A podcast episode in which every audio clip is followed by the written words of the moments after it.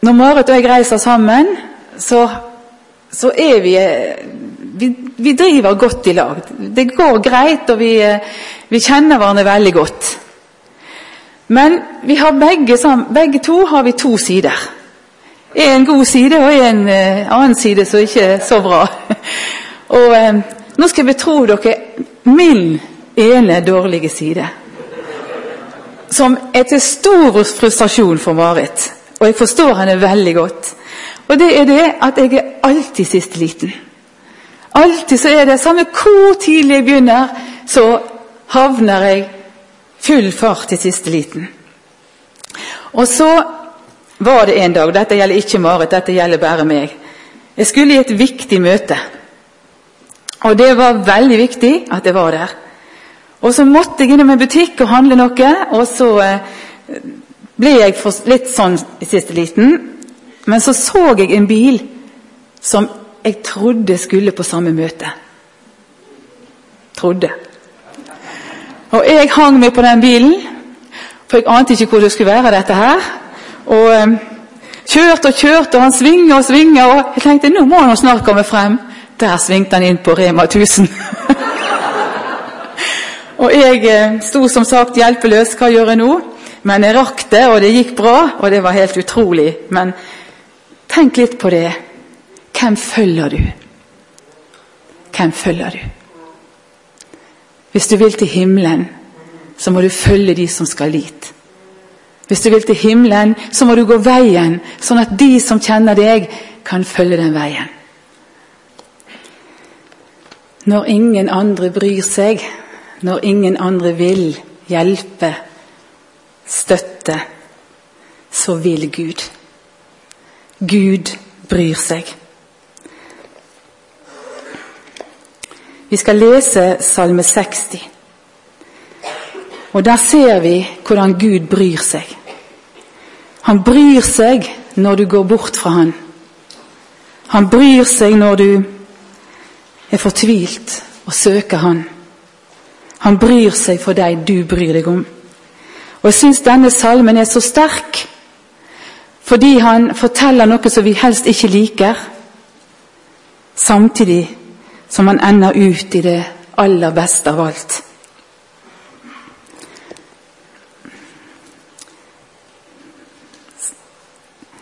Til sangmesteren etter vitnesbyrdets lilje, en gyllen sang av David til lærdom. Da han var i strid med arameerne fra Mesopotamia og med arameerne fra Soba og Joab, drog tilbake og slo edomittene i Saltdalen, 12 000 så skriver altså David Gud, du har forkastet oss. Du har slått oss. Du var vred. Å, forny oss igjen. Du har rystet jorden. Du har fått den til å revne. Leg dens skade, for den vakler. Du har latt ditt folk se hårde ting. Du har gitt oss vin og drikke så vi ravet. Du har gitt dem som frykter deg, et hærmerke til å løfte opp for sannhets skyld sela.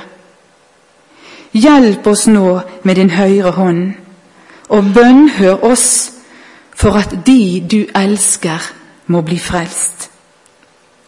Gud har talt i sin hellighet. Jeg vil fryde meg jeg vil utskifte Sikhem og måle opp Sukkotsdal.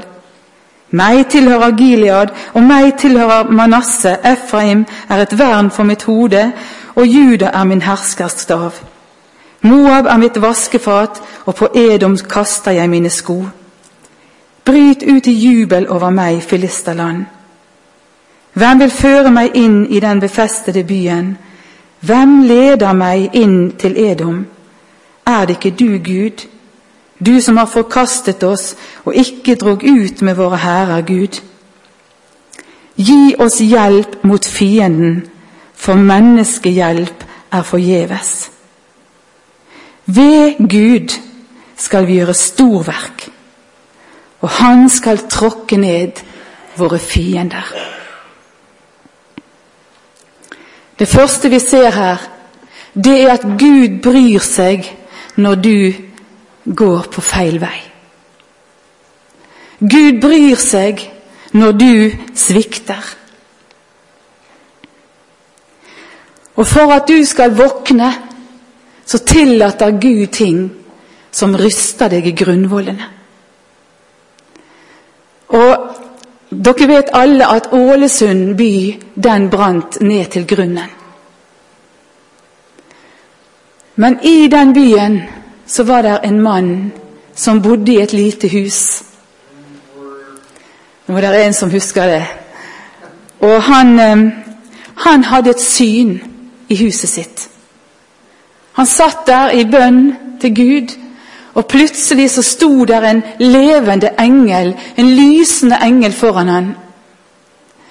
Og engelen sa til han at Gud har sett all ondskap i denne byen. Gud har sett hvor menneskene har vendt han ryggen, og Gud vil straffe byen. Og det skal komme en vind. Og så kom det liksom budskapet om hva som skulle skje.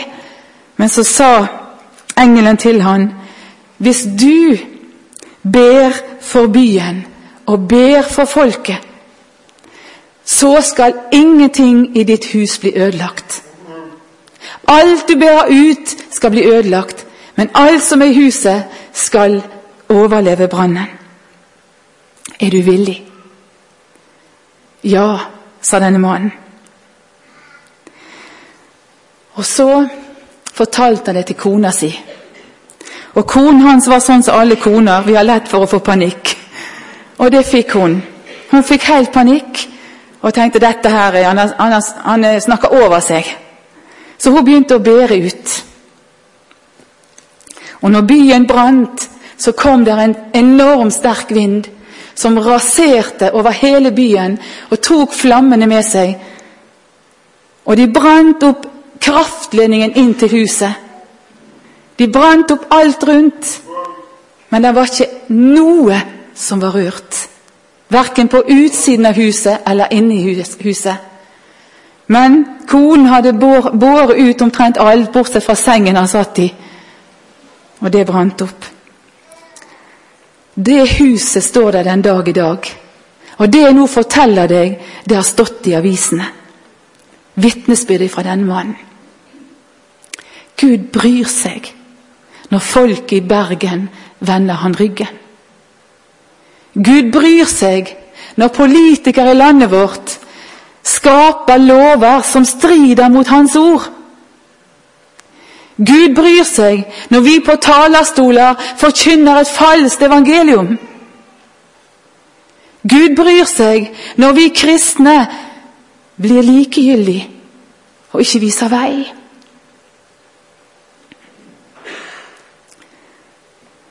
Det er veldig alvorlig å stå imot Guds ord.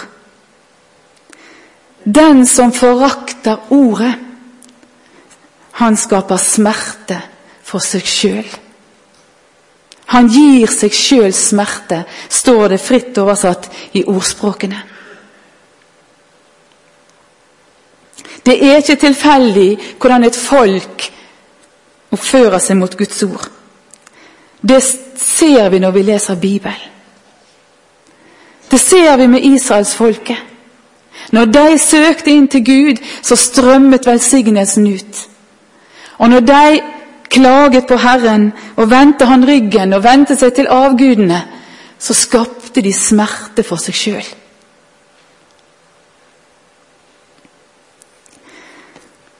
Leser du Guds ord?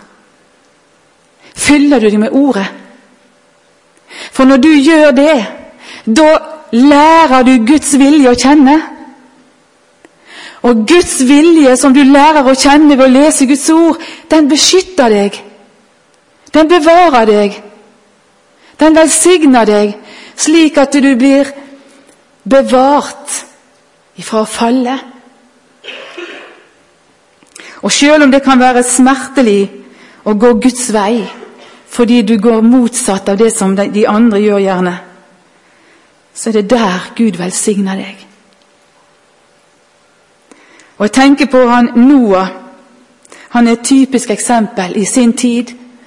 Han gjorde som Gud sa, står det i Hebreabrevet 11. Alle lo av han. Massemeningen det var at Noah var sprø. Men Noah hørte Guds røst, og det berget han og hans familie. Og de som var den store skare, som trodde de visste hva som var fornuftig, de gikk med i vannflommen. Følg Jesus, om du er ung eller gammel, koste hva det koste vil. Gjør som Josef, hvem du enn er, han som sprang ifra fristelsen. Selv om det kostet han et ondt rykte og flere år i fengsel og glemsel. Men han berget folket sitt. Han berget landet. Han berget flere land, flere folk. Selv om han led år etter år fordi han fulgte Guds vilje. Kjære kristne venn, har du det vanskelig, men du vet at du lever i et oppgjort forhold med din Gud. Du vet at du følger Guds vilje. Du vet at du ydmyker deg for Han hver dag. Da er du trygg om du har det vanskelig. Da skal Han en dag åpne velsignelsens sluser over livet ditt. Og alt du har gått igjennom, alt som har vært tungt og vanskelig, det skal du få bruke en dag til stor velsignelse. Jeg blir ikke trett av å sitere Billy Graham, som sier det at enhver prøvelse et Guds barn går igjennom, det er å lære et nytt språk. Du kan formidle Jesus på språket til de som prøver det du har gått igjennom. Derfor må Gud ha noen alle plasser. Han må ha noen kristne som vår venn i rullestolen, som kan formidle Jesus til de andre i hans situasjon. Han må ha kristne på kreftavdelingen, så de kan formidle han til de som er der. Han må ha kristne overalt, så vi kan formidle han på språket vårt, og til språket det til de som er rundt oss. Jeg er så glad i vers 6 og 7 i den salmen. Du har gitt dem som frykter deg, et hærmerke til å løfte opp for sannhetens skyld. Det hærmerket som vi skal få løfte opp, det løfter samtidig oss. Det bærer samtidig oss. Og det kan være mange ting, men for meg så blir det korsmerket. Kjærlighetens merke. Seierens merke. Sannheten om at Gud bøyde seg ned til menneskeslekten, som hadde syndet og sviktet og feilet.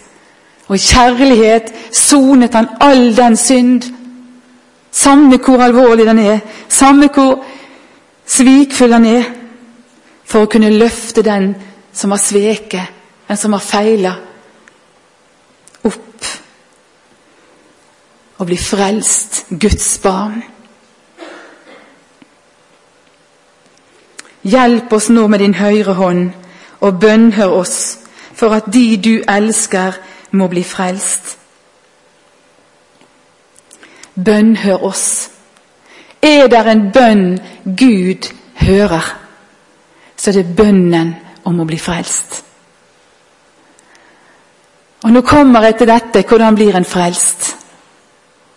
Hvis du sitter her, eller du lytter Jeg har fått hilsen fra mennesker som lyttet på podkast for, for, de andre talene som har vært her denne uken.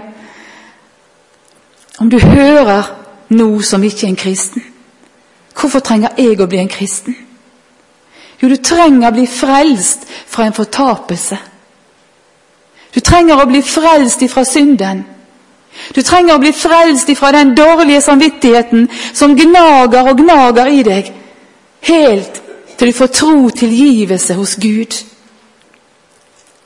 Hadde vi visst alt folk gjør for å få bli kvitt sin dårlige samvittighet, sin skyldfølelse Hadde du visst all rensingsprosess som folk går igjennom i de mange forskjellige religioner for å bli kvitt skyldfølelsen. Noen de betaler til folket som er gått foran, slektene før. Det gjør de i en religion. Noen pisker seg til blods og går lange pilegrims, vanskelige pilegrimsreiser for å rense seg. Og så har vi løsningen i dette særmerket, sannheten. Gud så høyt elsket verden at han ga sin sønn for at den, hver den som tror på Han, ikke skal fortapes, men ha evig liv. Du kan bli frelst nå ved å si, 'Kjære Jesus, jeg gir deg en sjanse.' 'Kjære Jesus, kom inn i hjertet mitt. Rens det, og gjør meg til ditt barn.' Vi skal få en frelsesbønn opp her resten av kveldene, som du kan sitte og se på og be, du som kommer inn her og ikke er en kristen. Kjære Jesus, frels meg. Det er en bønn Gud aldri nøler med å svare. Du kan i samme øyeblikk si takk. Takk for det nytter. Takk for det holder, det du har gjort. Takk for det holder for meg. Takk for at du har åpnet veien. Takk, Jesus, at du er min. Det er frelsesbønnen som gir nytt liv. Og så er det så fantastisk at med en gang du og jeg ber denne frelsesbønnen, så kommer det en ny bønn inn i oss. Kjære Jesus, frels mine kjære. Frels de som jeg bor i lag med, som jeg er glad i, naboer og venner. Frels de så de òg får oppdage hvor god du er. Det var en som ville bli en kristen. Han hadde det helt forferdelig. Og Jeg skulle ønske jeg en gang fikk møte den mannen igjen. Jeg husker ikke navnet hans nå, men han var veldig dradd i ansiktet når vi satt igjen etter et møte og snakka. Han var så preg utenpå hvor skyldfølelsen gnagde i han. Han følte at Gud sto der som en tordensky over han og sa det at det er ikke håp for deg. Han var redd Gud, han var redd seg sjøl. Han var redd noen skulle se at han satt der og ville prate med en av talerne. Så snakka vi lenge sammen, og så las jeg et enkelt ord om tilgivelsen. Han er såret for våre overtredelser, knust for våre misgjerninger. Straffen lå på han for at vi skulle ha fred, og ved hans sår har vi fått legedom. Og så ser jeg opp på denne mannen, og så blir ansiktet forvandlet mens han lytter til Guds ord. Det er som han oppdager det største han noen gang har sett. Og så jubler han. Står virkelig det i Bibelen? Ja, det gjør det. Og Jeg visste ikke ord av det før han slengte seg rundt på kne og begynte å takke og prise Gud.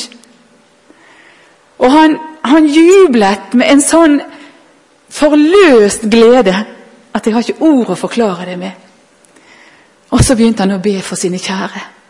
Å, du må la de få se dette, Jesus. Å, du må møte de. Og så gikk det vel et år eller to, og så la seg at han var reist ut på misjonsmarken og jeg tenkte med meg ja, det var Det kunne jeg godt forstå når jeg så forvandlingen i hans liv.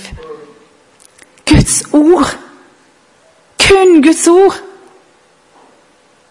Og så ble det en sånn forvandling. Ta deg tid med denne kjære boken. Les bibelordene om de er aldri så kjedelige. For der er Jesus sammen med deg når du leser de. Der blir du fornyet, der får du kraft, der får du den bønn som er født i Guds hjerte. Og Så går vi til siste verset, eller nest siste, 13 og 14. Gi oss hjelp mot fienden, for menneskehjelp er forgjeves. Ved Gud skal vi gjøre storverk, og Han skal tråkke ned våre fiender. Er det noe jeg er glad jeg skal få lov å formidle, så er det ordet om omvendelse. Samme hvor vill du har kjørt deg, som jeg havnet på et samvirkelag Rema 1000 når jeg skulle på et viktig møte, så er det en veiviser som viser vei. Samme hvor djupt du har sunket, så kan du snu i dag. Jesus kan møte deg her. Og samme hvor likegyldig og sløv du er, så kan du si, 'Jesus, tenn meg'.